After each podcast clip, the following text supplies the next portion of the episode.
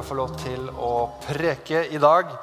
Eh, bra at dere ikke sitter veldig mange på første rad, for det kan godt svettes litt i dag. Det er lov, det er varmt i dag, og det kan gå litt utover. Så det, det er veldig bra. Det er ikke så varmt her, da. Jeg har vært leirprest på Gausdal leirsted, og da hadde vi samlinger inni en sånn liten ark. som de kalte det, og Der var det ikke noe gjennomtrekk sånn som det her. Da var det, da var det, da var det varmt. Men det var gøy allikevel. da. I dag skal du få være med på noe veldig morsomt. I dag skal du få høre en uh, forkynnelse uten et budskap. Det er kanskje første gang. Jeg vet ikke. Uh, jeg har ikke noe veldig tydelig budskap i dag. Jeg skal si noen ting og ha et par poenger, men jeg har ikke noe budskap. Aron, hva er budskapet ditt? Jeg har ikke det i dag, altså. Så vi får se hvordan dette går. Jeg tror det blir bra likevel. Jeg tror Gud har forberedt noe gøy for oss. Eh, så med det sagt så tenker jeg bare at eh, selv om Randi var så herlig her, så bare tar jeg og ber litt selv. Herre, takker deg for at vi kan få kjenne deg, tilbe deg og leve for deg, Herre. Og takk for ditt ord, takk for ditt ord, Herre. Takk for alle historier som du har gitt oss. Takk for alt, all, all, kunnskap og visdom som du har gitt oss gjennom ditt ord. Jeg ber nå, Herre, at vi skal få lov til å få noe fra deg, at du skal åpne våre øyne så vi kan få se, og at vi alle skal få oppleve at vi drar hjem i dag med et budskap fra deg. Og alt folket sa amen. Jeg må jo begynne med å presentere meg. Eh, jeg heter Aron Une Larsson. Jeg er 28 år gammel. Er det, ikke sant? Ja, For du er 29, og jeg ikke sant? Kristoffer er litt eldre enn meg. Selv om jeg er høyere enn han og gifta meg før han. Eh, jeg har gått i menigheten her siden jeg var 15 år, så det begynner jo å bli en god del år, og jeg elsker det. Fantastisk sted å være. Jeg har fått lov til å være med litt sånn i ungdomsarbeidet i perioder. Lov til å preke der litt. Grann, og, og eh, blitt veldig glad i Jesus Church. Etter hvert så møtte jeg en eh, frøken som var singel. tenkte jeg dette er my chance. Så jeg fikk henne til å forelske seg i meg etter en del opp og ned og frem og tilbake. Men det gikk til slutt. Eh, så vi gifta oss. Hun er fra Romania, et fantastisk land. Og så, Når man er gift, da, så går det jo etter litt tid, og så får man barn. Så Kiara er borterst der. Det er solstråla nummer to i familien etter meg.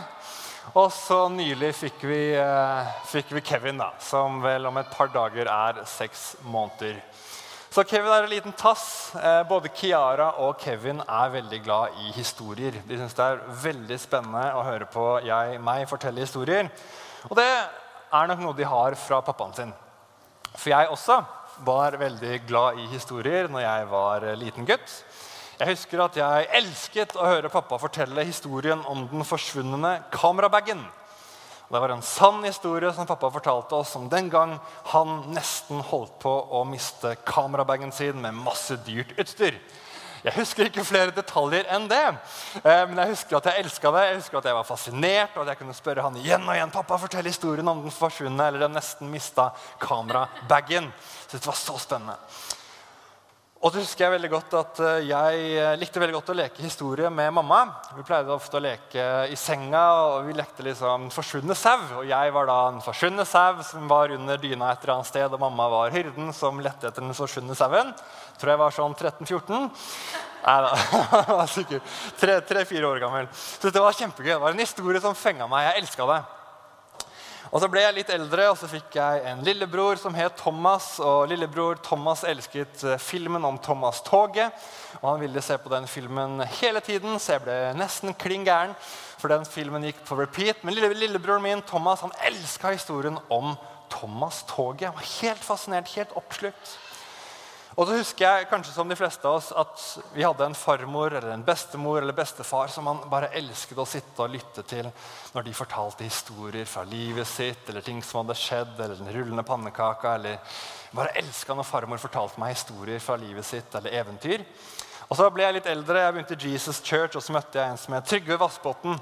Og Trygve Vassbotn han var fantastisk, han er fortsatt helt fantastisk til å fortelle historier. Og Vi har kanskje alle noen sånne i eh, livene våre. Som, sånne mennesker som vi bare tenker at å, de er så flinke til å fortelle historier. De er så dyktige til å gjøre det spennende og gjøre det, gjøre det interessant. Og Er det ikke fascinerende hvordan vi mennesker blir dratt mot fortellinger? Vi blir dratt mot historier. Det er et eller annet i oss som gjør at vi bare blir dratt mot det. Vi blir fenget av det, vi blir fascinert av det. Og det er noen som på en måte har bevist dette her da, de siste åra. At vi mennesker er veldig interessert i historier, fortellinger. Jeg tror Netflix de har uh, as we speak, rundt 125 millioner unike brukere på verdensbasis. HBO de er ikke de største, men de har 143 millioner brukere på verdensbasis. Det er helt sprøtt hvor mange brukere de har. Og dette er jo ikke de to eneste engang. I, I Amerika tror jeg det har noe som heter Hulu, som også er kjempestort. Og her i Norge så har vi jo vi har TV2 Sumo, vi har NRK nett-TV, vi, vi, har jo YouTube. Så har vi jo teater, og vi har romaner. Og, og, og hva er det alle disse her har felles? Hva er det alle disse strømmetjenestene og kulturelle begivenhetene har til felles? Og det er jo historier. De forteller historier, de formidler historier. Det er, det, det er, filmer som forteller historier om helter. Det er, det er teater som forteller historier om, om martyrer, kanskje. Det er reality-serier som forteller en historie som deltakerne går igjennom. Det er såpedokumentarer, det er såpeoperaer, det er, eh, det er eh, talkshow hvor det kommer gjester inn som forteller sine historier. Og vi mennesker bare elsker det. Vi dras inn i det. Vi ser serie etter serie på Netflix, kanskje, eller film etter film. Vi, vi leser bok etter bok. Vi, vi, går på teater. Hva enn som er vår greie. Man kan ha forskjellig tilnærming til historier. Men de aller fleste av oss er dratt mot historier på en eller annen måte. Vi fascineres av det. Vi, vi elsker det. Og Det er akkurat som at det er noe gudgitt som er lagt ned i oss mennesker, som får oss til å trekkes mot god historiefortelling. En som heter Paul Sack, han har forska på dette. her. Han er eh, forsker på hjernen. og Han, han og laben hans de har forska i mange år på hva er det som gjør at vi mennesker er så fascinerte av historier. I årtusener så har vi vært dratt mot fortellinger i ulike former for medier. Han har forska på hvilke prosesser som skjer i hjernen vår når vi eh, presenteres for en god historie. Og han har begynt å eh, lage noen sånne steg man går igjennom når man utsettes, utsettes for en god fortelling. Jeg tenkte å gå gjennom noen av dem. Det hele starter med at det må være en god historie. Det fins bare to former for uh, historier. Det er bra historier, og så er det dårlige historier. Alle har sett en dårlig film, og alle har sikkert sett en god film. Det fins begge deler. Det som gjerne kjennetegner en god historie, er at man ser at det er noen som har jobba med det. Man har jobba med å bli flink til å formidle en historie. Eh, jeg jeg jobba i norsk filmbransje i veldig mange år. Og når folk i kjerka fikk høre at jeg jobba med, med, spillefilmer og kinofilmer, og alt sånt, så, så, kom, så, var det noen ganger det kom folk til meg og bare Aron, jeg vet at du jobber i filmbransjen, og jeg har fått en sånn skikkelig bra idé. liksom. Jeg har skrevet et lite manus. bare skrev det i går på senga. Jeg tror det kan bli skikkelig bra. liksom. Kan ikke du snakke med noen av de store gutta, liksom, og så kanskje vi kan prøve å se om dette kan bli en kinofilm? Jeg syntes det var superhyggelig. Eh, veldig, veldig hyggelig at folk ville komme. da, men eh, God historieformidling, det å skrive et godt filmmanus, det er liksom ikke bare gjort i en fei. da. Eh, man kan kanskje tro liksom, hvor vanskelig er det å skrive et godt filmmanus. Og, og noen har sammenligna det med, å, med å, å, komponere en hel symfonikonsert. Så vanskelig er det å skrive et godt filmmanus. Symfoniorkester, symfonikonsert, det er masse noter, det er masse faktorer. Masse ting som skal ned på notepapiret det kan, eh, det kan, sammenlignes med det å skrive et godt filmmanus. Så, så, det å skrive en god historie det kan, kreve, det kan, kreve, tid. Det kan kreve at man jobber med det, at man blir flinkere og flinkere. Så det vil ikke være sånn at vi alle må eh, ta en bachelor i historiefortelling for å formidle en historie til barna våre eller i husgruppen. Det er ikke snakk om det. Men Paul Sack sier at en god prosess i hjernen vår når vi blir dratt inn i en historie, det starter gjerne med at historien må være god. Og Når en historie er god, så kommer man videre til neste ledd, som er at historien fanger oppmerksomheten vår. Det er et eller annet som skjer tidlig i historien som gjør at vi blir fenget. vi blir dratt inn i det. Er det en dårlig historie, så kan man gjerne, tenke, kan man gjerne merke at man begynner å tenke på hva man skal gjøre etter middag eller etter filmen, eller hva man skal eh, spise etterpå. Man blir, man, man blir distrahert. Er det en god historie som fanger deg, så drar du oppmerksomheten din inn i historien. Og dette kan jo, Hvis man liksom lurer på litt hvordan, hvordan funker dette i mitt liv, så kan man jo bare sammenligne med de gangene man, man kjører forbi en bilulykke. Det kalles gjerne bilulykkeeffekten. Og, og, Det er jo veldig irriterende når man kjører forbi en bilulykke, for det er jo kø. Hvorfor er det kø forbi en bilulykke ofte? På andre sida av eh, midtstripa. Det er fordi at alle bremser fordi man, liksom, man er veldig nysgjerrig på hva det er som har skjedd. Veldig ofte. Det er et fenomen at folk er irriterte på folk som bremser ned fordi de absolutt skal se, men så ser de jo allikevel når man kjører forbi en bilulykke. Og det som egentlig skjer, er jo at man bam, man blir presentert med en historie. Man dras rett inn i en historie. Her har det skjedd noe. Og så er det et eller annet som trigges i hjernen vår som gjør at vi har lyst til å finne ut hvordan fortsettelsen av historien er. Og Derfor ser vi, derfor er vi nysgjerrige, derfor lurer vi på hvordan dette vil fortsette. Så Når man presenteres for en god historie som, som, drar oss inn i den, så fanger den oppmerksomheten vår, og da begynner det å skje masse greier i hjernen vår. Det videre som skjer, er at man kommer inn i det som eh, forskerne kaller transportetappen. Og det som skjer nå, når vi har vært fokusert lenge nok på en historie, det er at vi begynner å leve oss inn i fortellingen. Du har kanskje det at du ser på en film og så bare glemmer du hvor du er, eller du glemmer hva tiden er. Du bare, du bare er inne i fortellingen. Det er det som skjer i transportetappen. Vi begynner å identifisere oss med karakterene. Følelsene våre begynner å kobles mot følelsene til karakterene. Vi begynner å identifisere oss med de følelser som karakterene opplever osv. Man, man, man lever seg inn i fortellingen. Og det som skjer da, det er at det forløses hormoner i hjernen din. Oksytocin forløses i hjernen når du eh, blir på en måte dratt inn i en fortelling. Noen som har hørt om oksytocin før? Oxytocin. Ja, det, er, det, det, er, et hormon som, som, gjør ganske mye. Det kalles gjerne kjærlighetshormonet. Eh, og det har mye koblinger med når, når kvinner føder osv. Fordi oksytocin hjelper at mor og barn umiddelbart kobles fordi oksytocin liksom bare flyter ut i kvinnens kropp. Fantastisk. Det er liksom ment for å koble noen.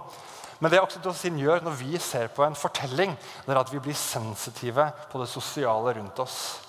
Vi senker skuldrene, vi slapper av mer. Angst reduseres, og vi blir mer fortrolige med å sitte der. Hvis man er bekymra, kan man merke at man glemmer litt bekymringene.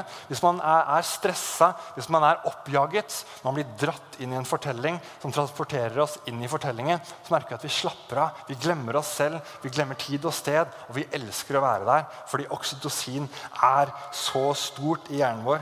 Og, og dette igjen gjør at vi gjerne har lyst til å hjelpe mennesker.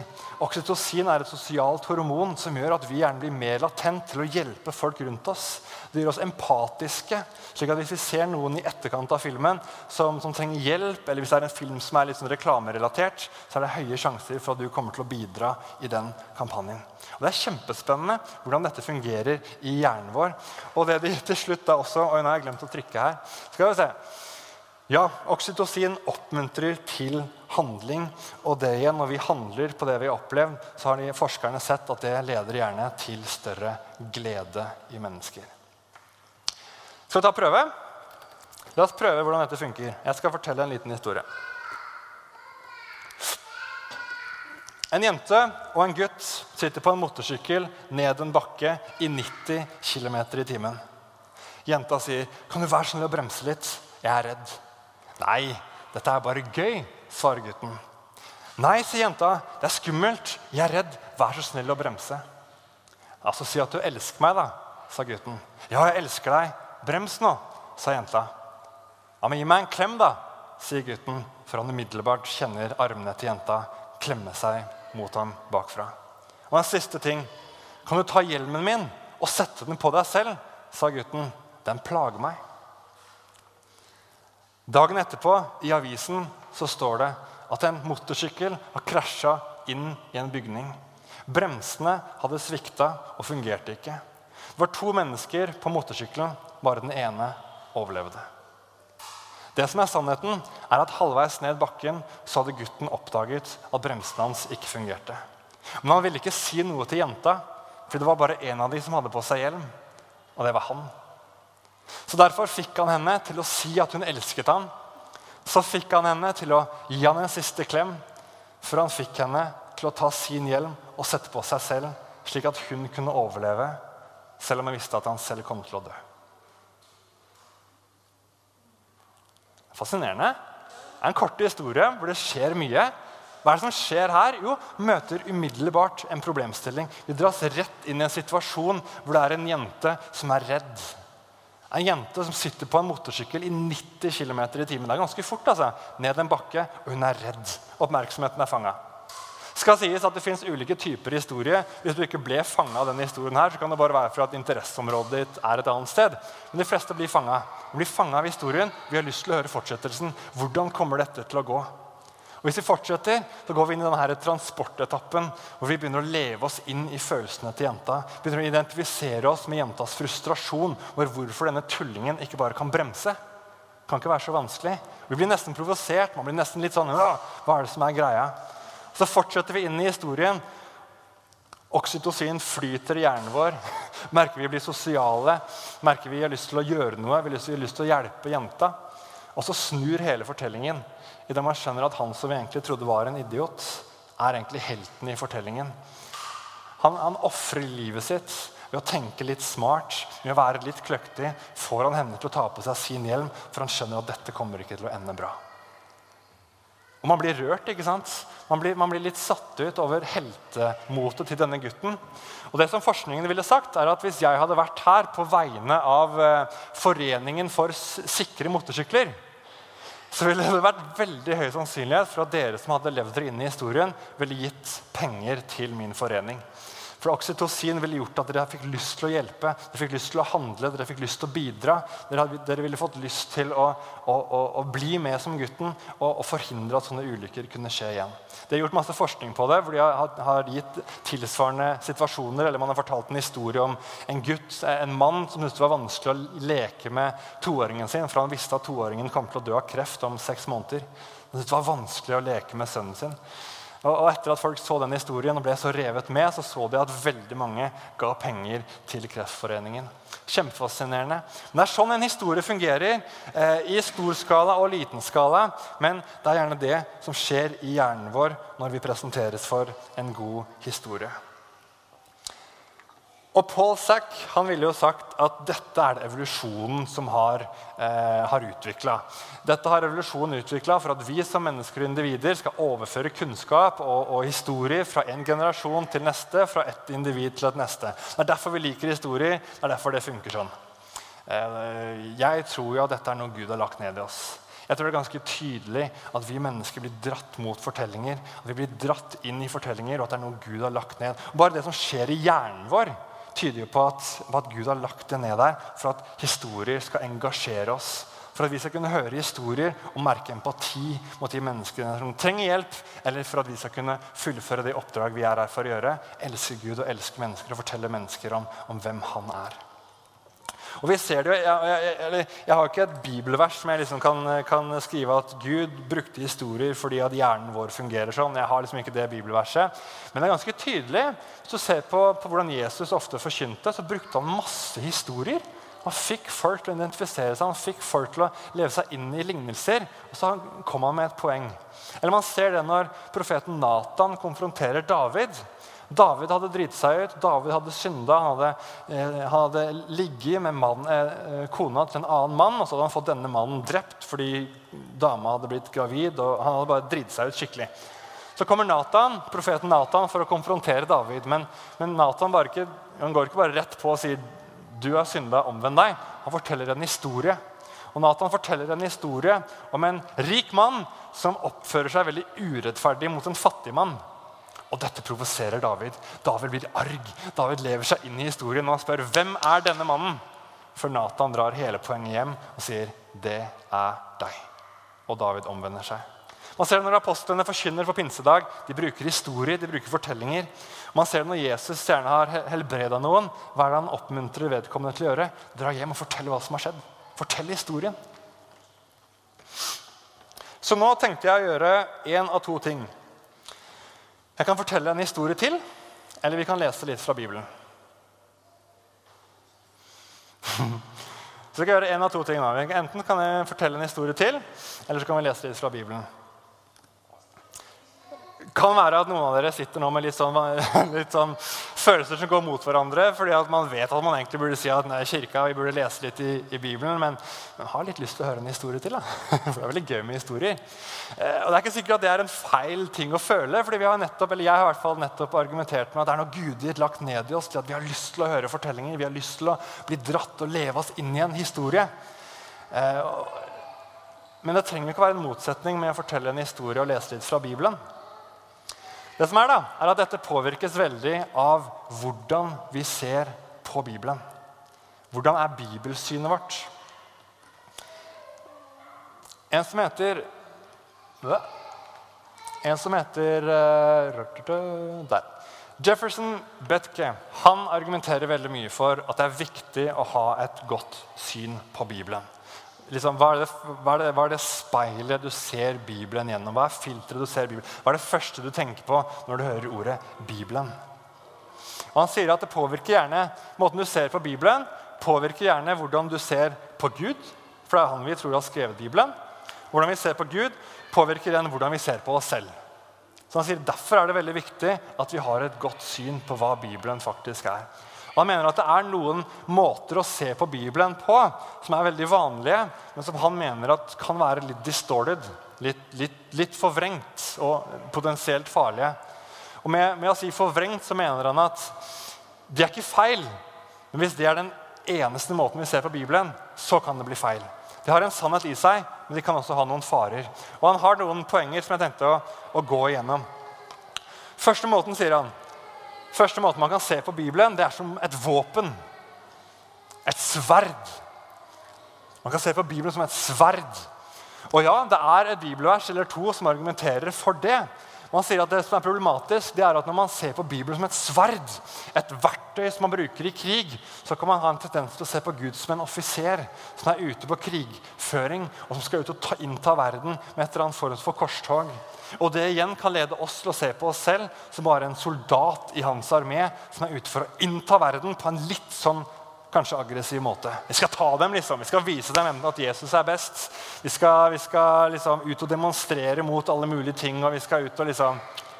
Så han sier noe er sant. Det kan være feil hvis vi kun ser på Bibelen som et våpen eller som et sverd. For det vil igjen se på at vi, vi, ser på mennesker som objekter for vår krigføring, mer enn at vi ser på dem som brødre og søstre som kan få lov å komme tilbake til Jesus. Andre måten man kan øh, ser på Bibelen, det er som en regelbok, en lovbok. Og det er jo sant. Det er masse regler og lover i Bibelen. Men han sier hvis man kun ser på Bibelen som en lovbok eller som en regelbok, så kan en fare med det være at Gud blir som en politi som på en måte passer på om vi følger boka eller ikke.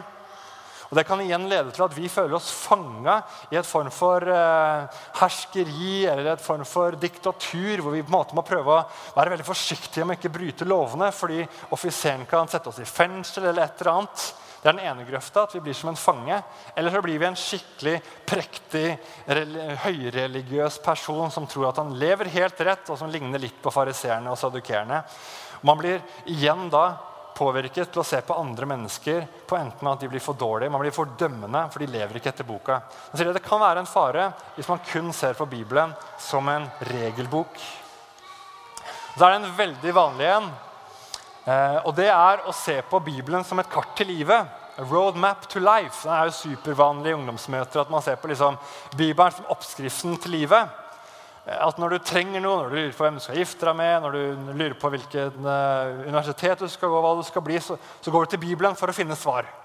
Uh, og Det kan være veldig bra, men det kan også gjøre at Gud blir en form for nisse som man bare kaller på når man trenger noe eller man har et behov som man blir møtt. Man bare liksom ber en bønn. også Gud, nå må du liksom fylle inn behovene mine. Og Resultatet av det kan være at man ser på seg selv som senter av universet man blir litt for viktig fordi at jeg har mine agendaer, jeg har min retning i livet, og Gud er med på å hjelpe meg med å nå mitt. Og Når man da blir senter av universet, så vil man jo se på andre mennesker rundt seg som mindre viktige enn en selv. Og Jefferson han sier at det han mener er den beste måten å se på Bibelen sånn helhetlig, det er som en narrativ eller som en fortelling. En stor, fantastisk historiebok der Gud er forfatteren. Den store, fantastiske forfatteren. Skaperen av alle ting. Han som har kontroll, han som er suveren, han som står overalt. Måten vi da igjen vil se på oss selv på, er som mennesker som får lov til å være med på Guds fortelling. Vi får lov til å inkluderes i den fantastiske historien som Gud har har eh, skrevet om tidligere, og som han fortsetter å skrive i våre dager. Jeg syns det er litt kult. Jeg synes Det er fascinerende. Eh, jeg synes det er interessant å kunne tenke på Bibelen som selvfølgelig ikke som en fiktiv eventyrbok, det er ikke dit vi, vi, vi, vi går, men, men, som en lang fortelling på 66 bøker som forteller om hva Gud har gjort, Hva Gud holder på med å gjøre, hva Gud kommer til å gjøre. Der senter og hovedperson er Jesus Kristus. Hvor vi leser om hvordan Gud skapte, hvordan vi falt, hvordan Gud forsonte, hvordan Jesus døde på korset for oss, sto opp igjen, sånn at vi kunne få komme tilbake til ham. Hvordan han sender oss ut for å elske Gud og elske mennesker. Og fortelle at det er mulig å komme tilbake igjen til forfatteren av det hele. Og så er det selvfølgelig aspekter av at, at, det er et sverd. I Guds fortelling så har vi verktøy, vi har våpen som vi kan bruke i en åndelig krigføring. Det står om det, det går inn i fortellingen til Gud. Det er en del av fortellingen. Og selvfølgelig er det regler og lovbud fordi Gud har laga et design og sagt dette er måten i fortellingen dere kan få leve på. Dette er det beste jeg har for dere så er det en del av fortellingen at Gud har, har, har, forordninger som vi kan få lov til å rette oss etter. Så ja, det er lovbud i Bibelen. Og ja, det er en roadmap to life. Det er et kart som vi kan få søke visdom i, slik at vi kan fortsette vår del av fortellingen og gi Gud ære gjennom at vi bruker de verktøy og ledelse som han gir oss. Så jeg syns det, det, er fascinerende, og jeg tror dette her kan være med på kanskje at den, den, pirringen man får når man hører av, Skal jeg fortelle en historie eller skal jeg lese litt fra Bibelen? Så kanskje de der to ikke blir så kanskje, problematisk å forholde seg til. fordi vi ser at vet du hva, det er faktisk masse fortellinger i Bibelen. Fantastiske fortellinger som Gud har lagt ned der. Og da er det jo fantastisk å tenke på at Gud også har lagt disse mekanismene ned i hodet vårt, som gjør at vi dras inn i dem. Vi dras inn i en bibelsk fortelling som igjen leder til at oksytocin forløses i huet vårt, og vi får lyst til å gjøre noe. Vi får lyst til å elske mennesker. Vi blir sendt ut i, i, i den fortellingen, en del av fortellingen som vi kan få lov til å, til å fullføre.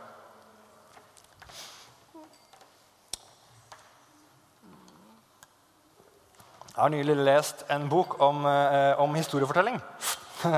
Bombe. Nei da. Eh, men John Walsh han har skrevet en bok som heter 'The Art of Storytelling'. Og han, eh, han, forteller om hvordan man både kan forberede og fortelle historier på bedre og bedre måte. Jeg tror jo alle kan fortelle en historie, men jeg tror også at det er en kunst som kan læres. Lære hva bør man gjøre, hva bør man ikke gjøre osv. Jeg har fått veldig mye bra ut av boka. Også på slutten av boka så har han et litt mer kristen fokus. Eh, det er ikke en kristen bok, men han, John klarer ikke å ikke synliggjøre gjennom hele boka at han elsker Jesus.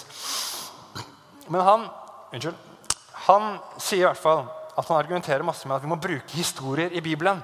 Nei, unnskyld, historie i Bibelen selvfølgelig. Bruke historier i kirken. Bruke historier i kirken. De gjorde et eksperiment og de begynte å se på hvorfor mister de barna. Når tenåringene blir tenåringer, de har vært i, barnearbeidet, så kommer de inn i tenåra, begynner i ungdomsarbeidet. Hvorfor mister vi de? Det var noen kirker som de så på. Hva er det som skjer? liksom?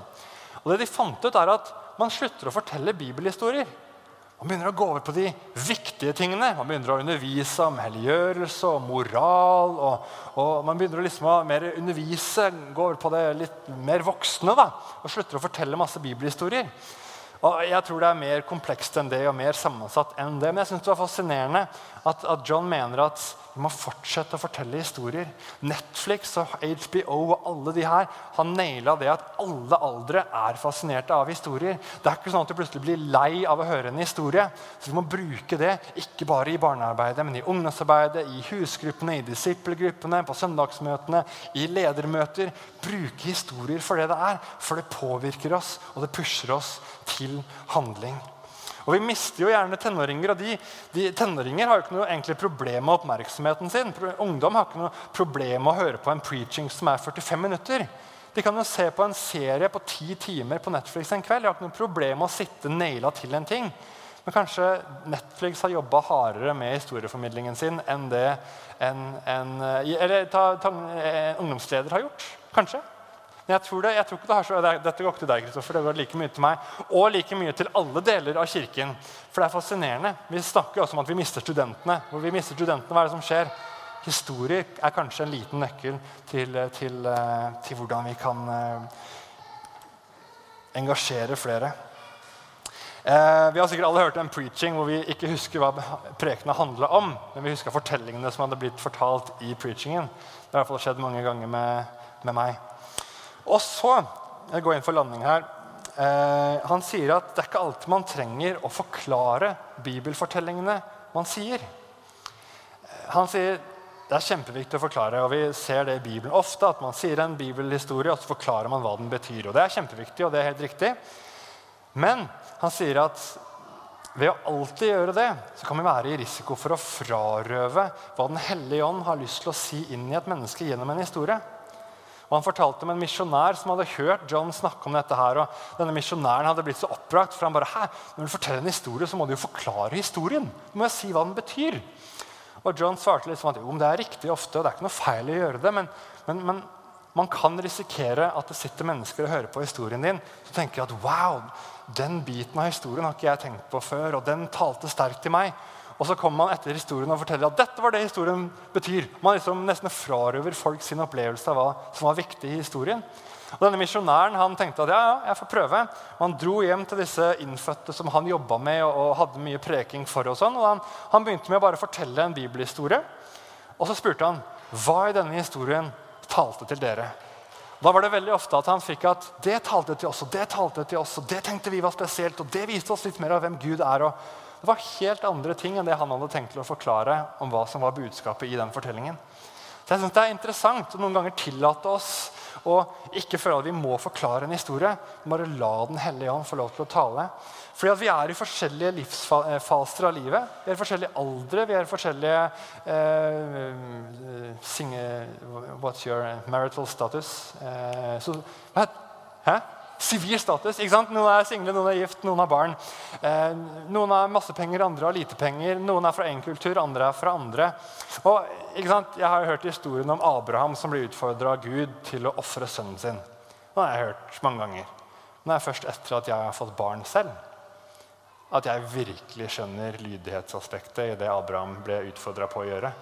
Først når du har egne barn, og du leser om at Abraham blir utfordra av Gud på å ofre et av sine barn, det eneste barnet det er bare sånn, Plutselig så får man barn, og man skjønner historien mye klarere mye tydeligere på en litt annen måte. Så Det er fascinerende.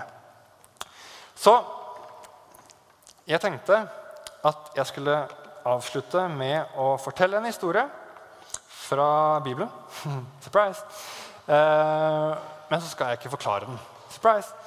Eh, bare fortelle så kan dere høre på.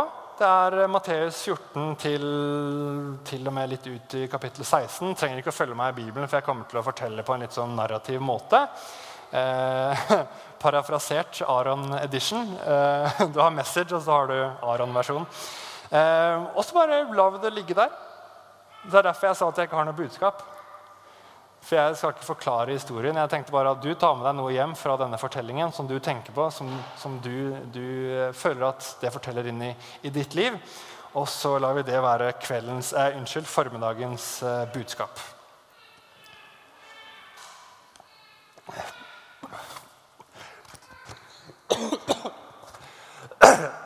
Jeg blir rørt. Nei da, jeg puster. Jeg svelga feil. Det er kult når du preker, så klarer du å puste feil. vet du. Bare skal jeg raskt bare drikke litt her? Greit. Huh. Herlig. All right. Um. Nei, nei, jeg bare tuller. All right. Se for dere en båt, båt ute på Galileasjøen. Oi. Må rape. Jeg har ikke lyst til å rape. ikke sant? Det er mikrofon her. Greit. Jesus satt i båten med disiplene rundt seg. Jesus hadde nettopp fått, blitt fortalt at en av hans bedre venner, døperen Johannes, hadde blitt halshugget. Døperen Johannes hadde hatt litt, litt intriger med Herodes, og Herodes hadde egentlig ikke likt det. og når Herodes fikk en mulighet, så hadde Herodes valgt at døperen Johannes skulle drepes, halshugges. Så nå hadde Jesus fått denne beskjeden, og Jesus satt i båten med disiplene rundt seg. Tipper at Disiplene satt og spiste litt surdeigsbrød mens de holdt seg litt unna Jesus. for jeg, jeg tror Jesus var litt tynga. Når du får beskjed om at en av dine bedre venner, han du har vokst opp med, er blitt drept, så føler du nok bare at du har lyst til å trekke deg litt unna. Og det var det Jesus hadde tenkt til å gjøre nå. Han hadde lyst til å komme, De var på vei mot et øde sted, for Jesus hadde nok bare lyst til å være litt alene. Og de kommer mot, mot uh, dit de skulle. Og da de går i land, så ser de plutselig at det er en stor folkemengde. Ikke en liten mengde, en stor folkemengde som står og venter på dem. De hadde hørt at Jesus var på vei dit, og de hadde gått rundt og de hadde fulgt Jesus, for de trengte Jesus. Og Jesus, som hadde all rett til til å trekke seg unna og være aleine, merket at han fikk medfølelse for folkemengden, for de var som får uten en hyrde. Og Jesus velger å legge bort seg selv, og han begynner å helbrede de som var syke blant dem. Man kan se for seg ganske kaotiske omstendigheter. Det er ganske tøft psykofysisk. Det er ikke noen kølappsystem eller rekker og rader. Se bare en desperat folkemengde som vet at det er én mann som kan hjelpe dem, og det er Jesus. Kan se for meg at De trenger seg på ham. Det er tøft. Det er, det er, et slitsomt arbeid. Men Jesus fikk medfølelse for folkemengden, og han helbredet de som var der. Når det leder mot kveld, så kom disiplene til Jesus og sa Jesus, du sende folkemengden av gårde. Det er blitt sent, og folkene har ingenting å spise. De trenger ikke å dra noe sted, svarte Jesus. Hva mente Jesus med dette her? Dere skal gi dem mat. Jeg kan se for meg at disiplene ble ganske stressa. Hvis det er vanskelig å se for seg, så se for deg eh, Ekebergsletta. Det er Norway Cup. Det er tusenvis av mennesker der. Du er der sammen med disippelgruppen din. Dere er der for å se på deres fotballkamper. Og Plutselig hører dere på spikeranlegget at eh, det er tomt for mat. Det er ikke mer pølser igjen, det er ikke noen hamburger igjen. Eh, det er noen som har besvimt fordi det er ikke mer brus eller vann igjen. Så sykebiler er på vei. Eh, og det sies at Hvis det er noen som har noen gode ideer på hvor man kan få tak i mer mat, så kom til sekretariatet, så, så kan man Og dere bare tenker ikke noe på det. Og plutselig så er det husgruppelederen eller disippelgruppelederen som bare Hei, dette hørte vi om på, dette hørte vi om på søndag. Vi kan jo fikse mat til alle sammen. Jeg har litt brød her. Sant? Den vantroen som du ville hatt akkurat da, det er nok litt det som disiplene følte i det Jesus sa. Dere skal gi dem mat. Ja, men Jesus, vi har jo ingenting. Hvordan skal vi få tak i mat til så mange mennesker her ute? Ja, Hvor mye har dere? Ja, vi har fem brød, og så har vi to fisk. Ja, men det holder. 'Gi det til meg', svarte Jesus. Så Jesus signaliserte at folkene skulle sette seg. Han fikk brødet, løftet det opp mot himmelen, løftet blikket mot himmelen, og han ba takkebønnen. Så brøt han brødet, og så ga han det ut til disiplene, så de kunne distribuere det videre. Disiplene ga ut til folket et surdeigsbrød til deg og et surdeigsbrød til deg. Surdeigsbrød til deg og et surdeigsbrød til deg. Er det noen som vet eller ikke vet hva et surdeigsbrød er? Man har kanskje hørt om surdeigsbrød. Det har blitt litt sånn hipt i våre dager med surdeigsbrød. Men det som egentlig er sannheten er at det er eh, moderne brød som er liksom nykommeren. Surdeigsbrød er måten man har laga brød på gjennom alle tider. For sånn nytt type gjær, fersk gjær som du kjøper i butikken, det er en veldig moderne oppfinnelse som kanskje ikke er mer enn 300 år. Og Før det så trengte man en annen form for gjær. Og måten Man lagde, lagde da en sånn surdeig det var at man tok vann og man tok mel blanda det sammen, satte det ut i sola så det kunne fermentere. Og Da var det kjemiske prosesser som over lang tid gjorde at det ble en liten bakterieflora med masse kraft i seg, stram smak og, og, og masse liv. En levende organisme som kunne leve opptil et helt år. Det var en liten surdeigsflora. Og Den brukte man når man bakte brød. Man tok en deig, og så trengte man litt surdeig. Man hadde det gjerne et sted. Tok man en liten bit av surdeigen oppi, oppi den ordentlige deigen, brøddeigen, og så infiltrerte den surdeigen hele deigen, sånn at hele deigen fikk egenskapene med luftig, fluffy, god smak osv. Så, videre. så surdeig påvirka hele deigen. og Det er sånn man gjennom alle tider har laga brød. Og, og, eh, det skal visst være veldig godt. Så dette delte disiplene ut. Et surdeigsbrød til deg og et surdeigsbrød til deg. Og når alle hadde fått, så var det igjen tolv kurver med mat. Og De som hadde spist, det var 5000 mennesker. Altså 5000 menn. Så var det kvinner og barn i tillegg, så det er en del flere tusen. Og når de hadde spist, så sendte Jesus folket av gårde, for han satte seg i båten for å dra videre. Det går litt tid. Jesus opplever flere ting. Han helbreder flere syke. Han går litt på vannet.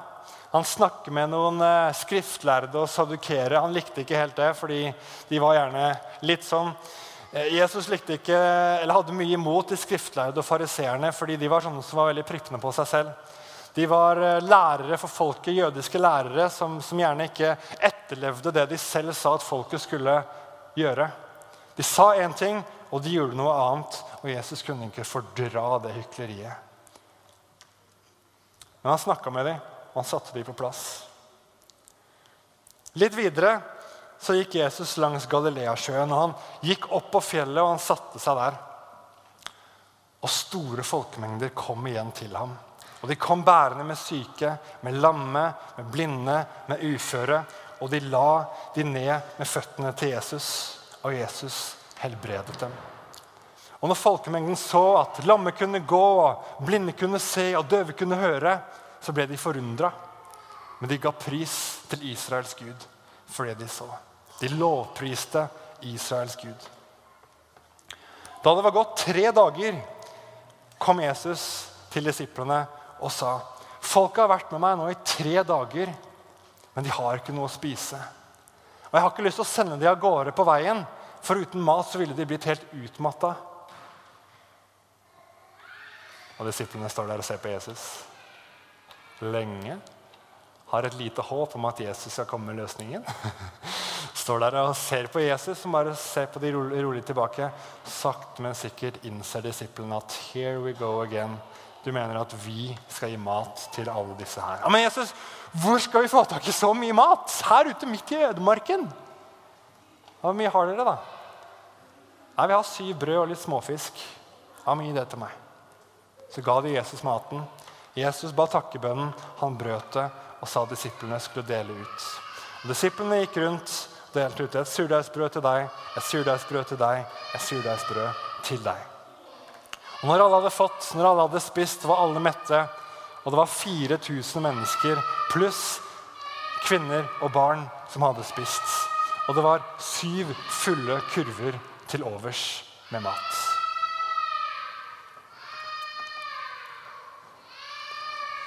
Etter dette så dro Jesus til traktene ved Magadan. Og Da kom det noen fariseere og sadukere til Jesus. og de Fariseerne og sadukerene de hadde normalt sett ikke veldig mye til overs for hverandre. De likte hverandre ikke særlig godt. Men når det kom til å ta Jesus, da kunne de samarbeide. Så de kom til Jesus for å ta Jesus og kreve et tegn fra himmelen fra Jesus. Men Jesus ville ikke høre noe av det. Så han sa, dere, når det er kveld, så sier dere at i morgen så blir det godvær fordi himmelen er rød. Mens om morgenen Halla! Liker du å høre på historie, eller? Jeg tror du kanskje må gå til Ali. Hæ? Jesus ble brydd fra fariseerne og sadukerene. Og han sa dere på kvelden så sier dere at i morgen så blir det uvær fordi himmelen er rød. Mens om morgenen så sier dere at nå blir det godvær fordi himmelen er rød og mørk. Himlenes tegn klarer dere å tyde.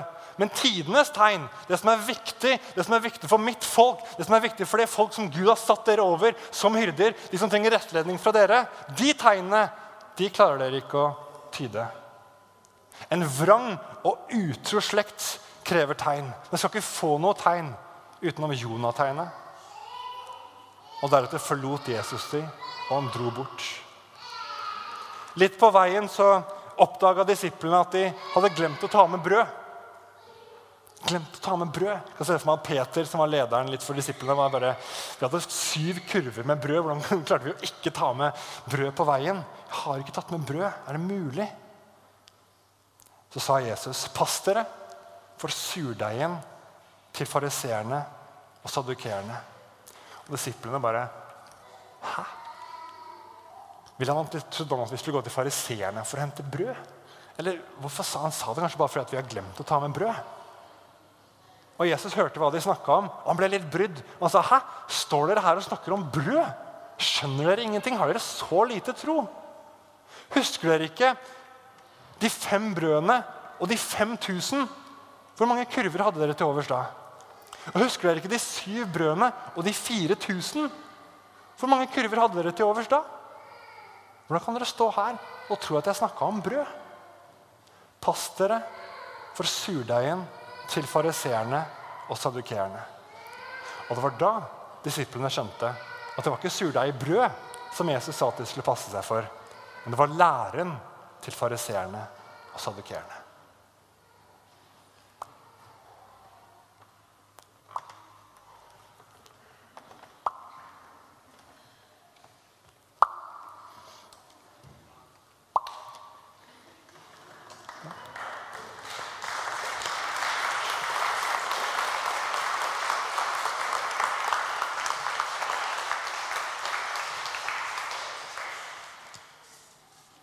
Ja, ok.